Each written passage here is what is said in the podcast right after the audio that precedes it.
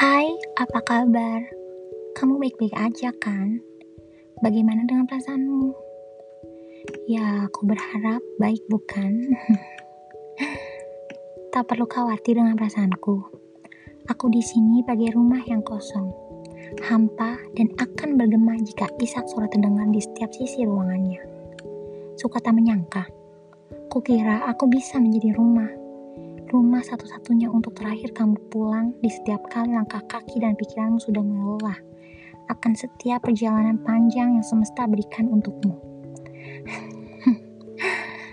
Tapi sayang, nyatanya apa yang aku harapkan selama ini hanyalah ekspektasi belaka yang didukung oleh ilusiku yang tinggi.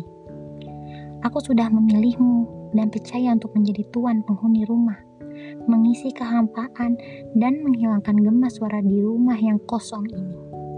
Tapi sayang, tuan rumah tiba-tiba hilang dan tak kembali jauh pergi ke entah berantah. Lucu bukan?